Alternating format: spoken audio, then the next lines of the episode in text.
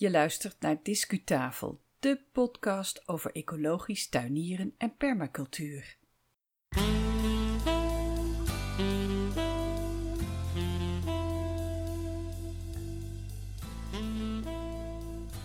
Dank voor het downloaden of streamen van deze 86e aflevering van Discutafel podcast, die online staat sinds 24 september 2020.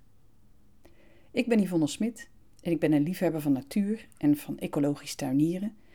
En ik neem je in deze podcast ook geregeld mee in mijn ideeën en ervaringen als het gaat om een duurzame levensstijl. Bij het publiceren van deze editie gaat de zomer over in de herfst en ik doe mijn tuinklompen aan en ik deel het komende kwartiertje graag mijn ervaringen met jou van het afgelopen tuinseizoen, het afgelopen groeiseizoen in mijn ecologische stadstuin. Laten we elkaar treffen bij mijn achterdeur.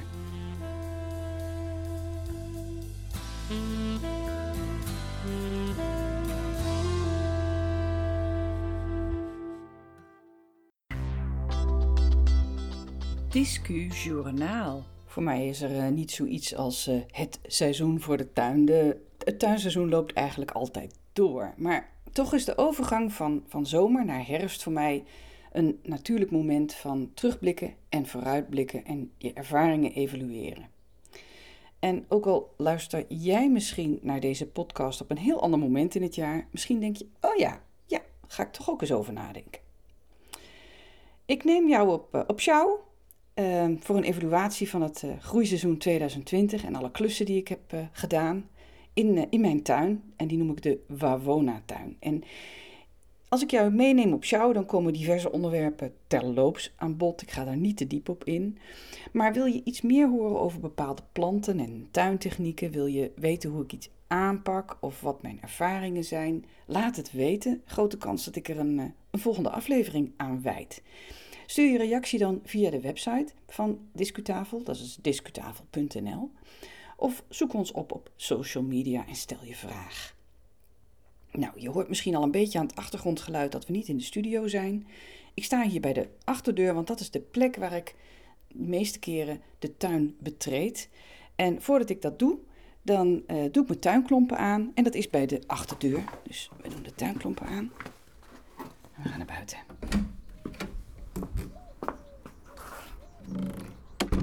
Dit is de noordkant van de tuin en van het eh, huis. Het is een, eh, een eh, smalle strook. En de opvallendste verschillen met vorig jaar is eigenlijk de stokkenwand. Ik gebruik stokken om uh, planten te steunen, voor uh, uh, hekjes te maken in de tuin, ehm, allerlei doeleinden. Ik gebruik de stokken ook om in de vijver te leggen. Ik heb daar eens eerder aan gerefereerd in een andere aflevering van Discutafel podcast. En die stokken die lagen eigenlijk allemaal een beetje in de weg. Dus wat hebben we gedaan? We hebben mooie constructies gemaakt tegen de wand van de schuur, de buitenwand van de schuur.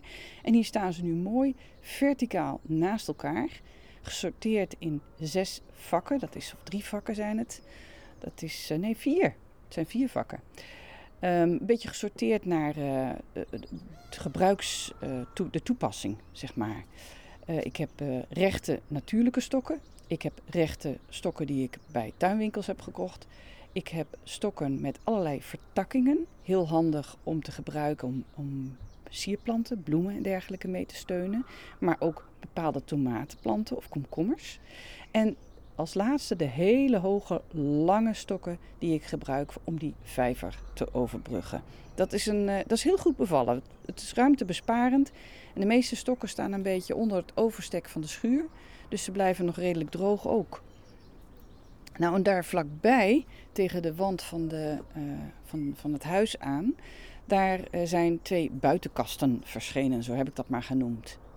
Eenvoudige metalen stellingen waar ik uh, vooral de potgrond bewaar, de schalen en potten die ik over heb, wat overtollig hout, wat ik misschien nog eens een keertje ergens voor ga gebruiken. Hier staan ook wat mintplanten, die doen het heel goed hier aan de, aan de noordkant. In potten staan ze. En verder is dit ook een beetje een overgangszone voor planten die vanuit de kas uh, uiteindelijk naar de volle grond gaan. En soms gaan ze ook heen en weer. Dus dan zet ik ze ochtends hier neer en s'avonds zijn ze weer even in de kas.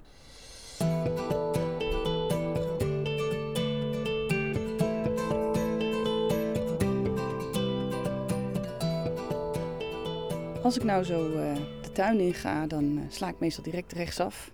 En dan, uh, dat is namelijk naar de kippen. Die zitten in een hok en in een buitenren in de strook die aan het oosten van het huis ligt. Dag dames. Vier kippen, ze komen wel eens vaker voor in de podcast. Truus, Miep, Henny en juffrouw Jannie. Um, de ren was dit jaar kurk en kurk droog. Dus de dames hebben menig stofbad kunnen nemen. Um, maar ik heb wel een beetje moeten letten op de planten in de buitenren.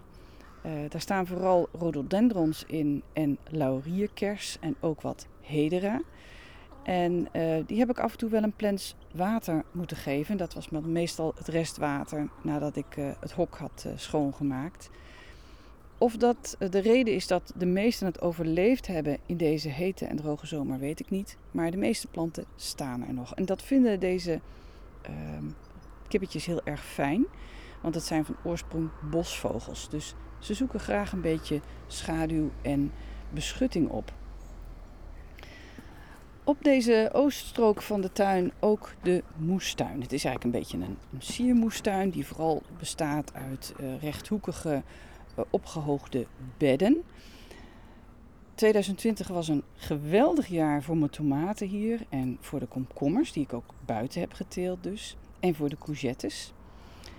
Um, ook voor verschillende andere uh, bloemplanten was het een goed jaar. Maar ik heb natuurlijk wel heel erg moeten werken aan de watervoorziening. Verhoogde bedden zijn sowieso al wat eerder uitgedroogd. Maar met deze hitte en droogte was het extreem veel werk om de planten water te geven. Het water haal ik uit de regentonnen die hier op het erf staan.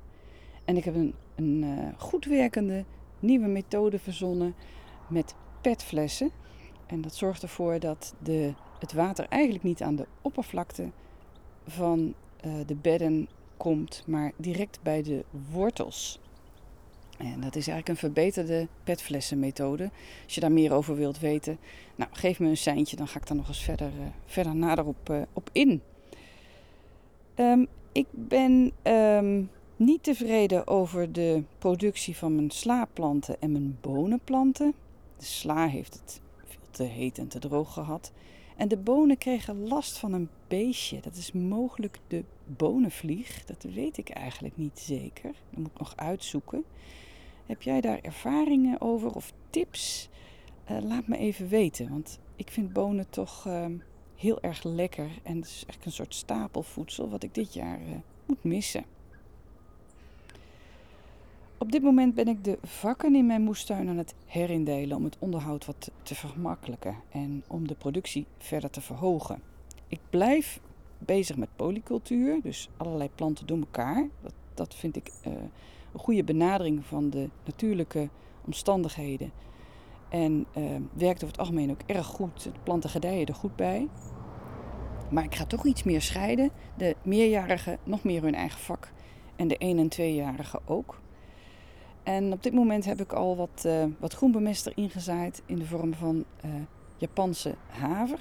En dat heb ik gedaan in een vak waarvan ik niet goed weet hoe lang dat nog hier kan, kan blijven door allerlei ontwikkelingen rond het huis. Dus dan denk ik van nou, dan kan dat niet zo heel veel kwaad. Die Japanse haver die kan ik eventueel wel opgeven als dat zo moet.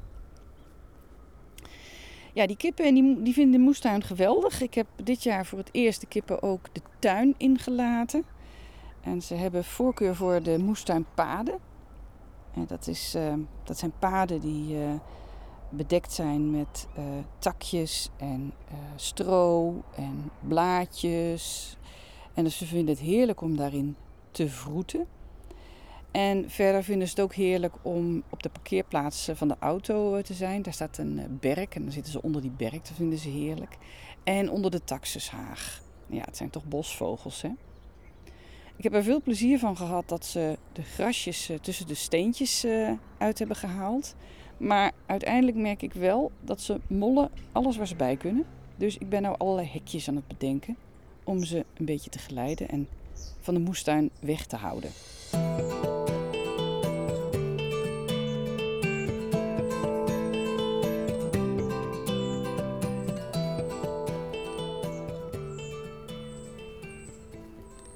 En dan loop ik door richting de vijver. Die vijver die ligt op de zuidoosthoek van de tuin. En ehm, ja, die hebben wij tegen onze gewoonte in uh, dit jaar twee keer met leidingwater moeten aanvullen.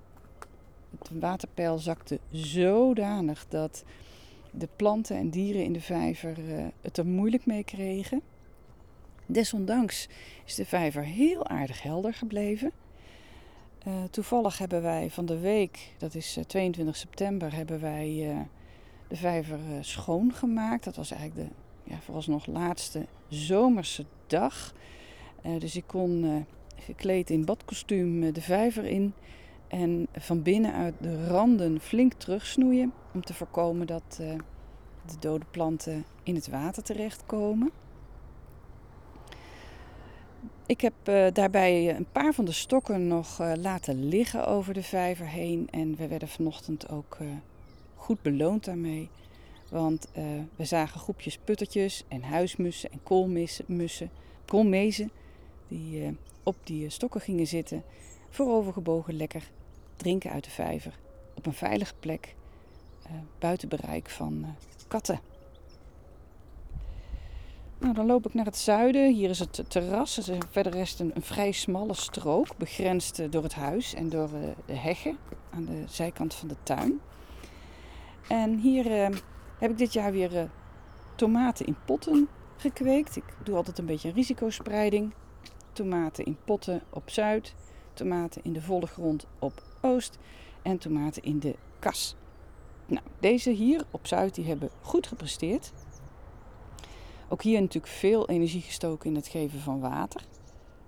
En um, ik heb uh, dit jaar voor het eerst ook wat meer werk gemaakt van het verwerken van die oogst. Het was zoveel dat ik dat onmogelijk uh, op een leuke manier iedere dag uh, thuis kon klaarmaken en opeten. Je wil ook wel weer eens wat anders dan tomaten. Nou, eerder dit jaar had ik uh, al verteld dat ik me had voorgenomen om wat meer aan conserveren, aan inmaken te gaan doen. En ehm, dat heb ik inderdaad ook gedaan, onder andere met die tomaten.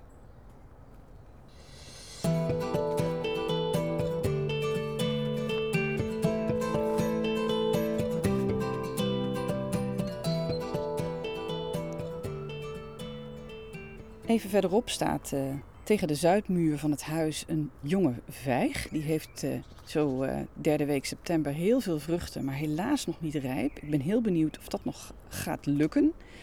Um, ik heb gelukkig wel uit de tuin van buren rijpe vijgen mogen plukken. En die zijn intussen ook in jam en in veelbelovende chutney terechtgekomen.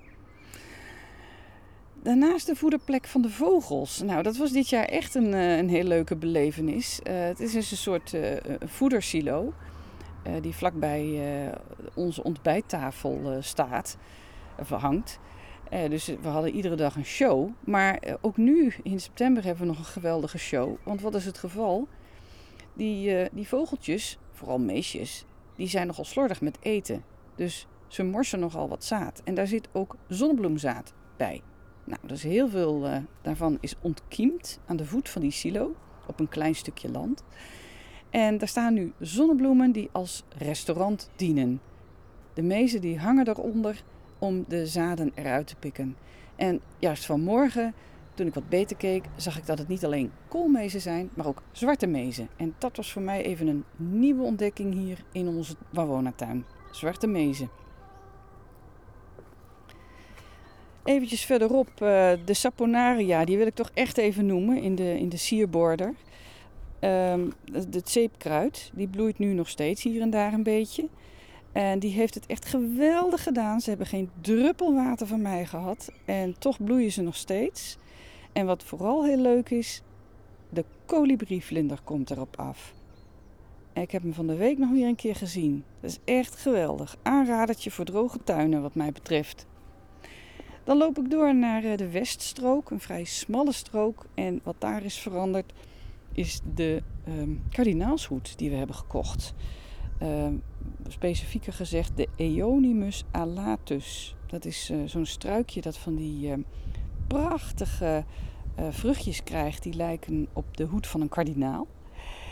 En hij is ook heel geliefd omdat hij in het najaar um, mooie roze-rode tinten krijgt. En hij is er vooral gekomen omdat mijn echtgenoot het wilde. Want die vindt die kurkachtige lijsten van de takken zo mooi. Nou, het, is een, het is nog een jonge plant. Ik denk dat hij 40, 50 centimeter uh, hoog is. En uh, ja, als je hem aanplant, dan moet je hem in het eerste jaar dus ook uh, goed verzorgen met voldoende water, zodat hij een goed wortelstelsel kan ontwikkelen. Dat hebben we gedaan en hij staat er florerend bij. Dan loop ik langs de fruitstruiken die er waarschijnlijk toch wel uitgaan, want die doen het echt helemaal niet goed hier. Dan moet ik eens even wat anders op, uh, op verzinnen. Loop ik richting de kas. Nou, een, een redelijk jaar voor de kas. Maar ik moet je eerlijk zeggen dat de, de tomaten en de komkommers buiten het beter deden dan hier in de kas dit jaar. Het was misschien toch te heet. Maar het was een topjaar voor chilipepers, voor Spaanse pepers. En uh, die staan er nu niet meer in, want uh, als de temperatuur s'nachts uh, minder dan uh, een graad of 10 wordt, dan is het beter om ze naar binnen te halen. Dus ik heb ze nu op een lichte plek in huis gezet, zodat de laatste vruchten kunnen afrijpen. Die chilipepers, daar verzin ik ook allemaal recepten mee, of ik zoek ze op. En ik ben van plan deze week daar zelfs sambal mee te gaan maken. Ik ben heel benieuwd of dat, of dat gaat lukken. Die chilipeper, daar ga ik een enkele planten, ga ik, uh, enkele planten ga ik daarvan laten overwinteren.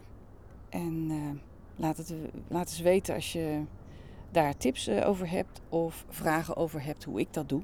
En wellicht kom ik op een volgende aflevering volgend jaar terug op de resultaten daarvan.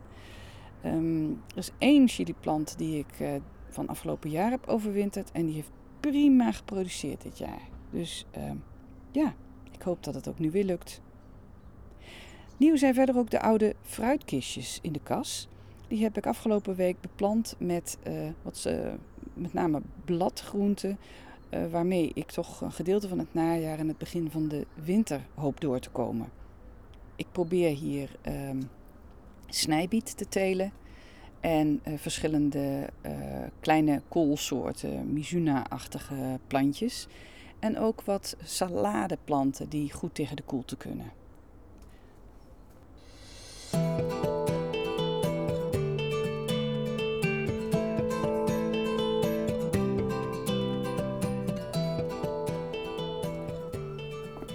Tot slot kom ik dan uit bij de schuur. De schuur waar ik, uh, waar ik bijna bij begon, waar die uh, stokkenwand tegenaan zit. Die schuur heb ik van het voorjaar flink opgeruimd. Dat is nog steeds te zien, want ik kan, het is een klein schuurtje, maar ik heb nog steeds een beetje ruimte om heen en weer te lopen. Maar uh, ik ben van plan de komende winter weer een, rondje opruimen te doen. En het allemaal nog weer slimmer te doen. Want je bewaart toch altijd meer spullen dan je nodig hebt. Nou, dan zijn we weer uh, terug bij de, bij de achterdeur. Doe ik de tuinklompen weer uit. Ik hoop dat je inspiratie hebt opgedaan. Of uit deze, deze rondleiding en deze evaluatie van het, van het groeiseizoen en van de tuinklussen in 2020.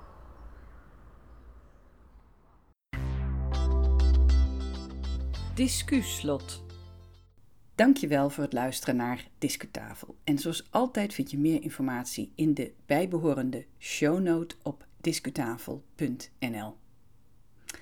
Ik herhaal graag ons aanbod om uh, terug te komen op onderwerpen die in deze aflevering slechts terloops aan bod kwamen. Laat me weten waarover je meer wilt horen. En uit de reacties kies ik onderwerpen voor komende afleveringen. Ook dit groeiseizoen heb ik trouwens weer zaden verzameld van diverse voedselplanten, waaronder ook ras-echte tomaten.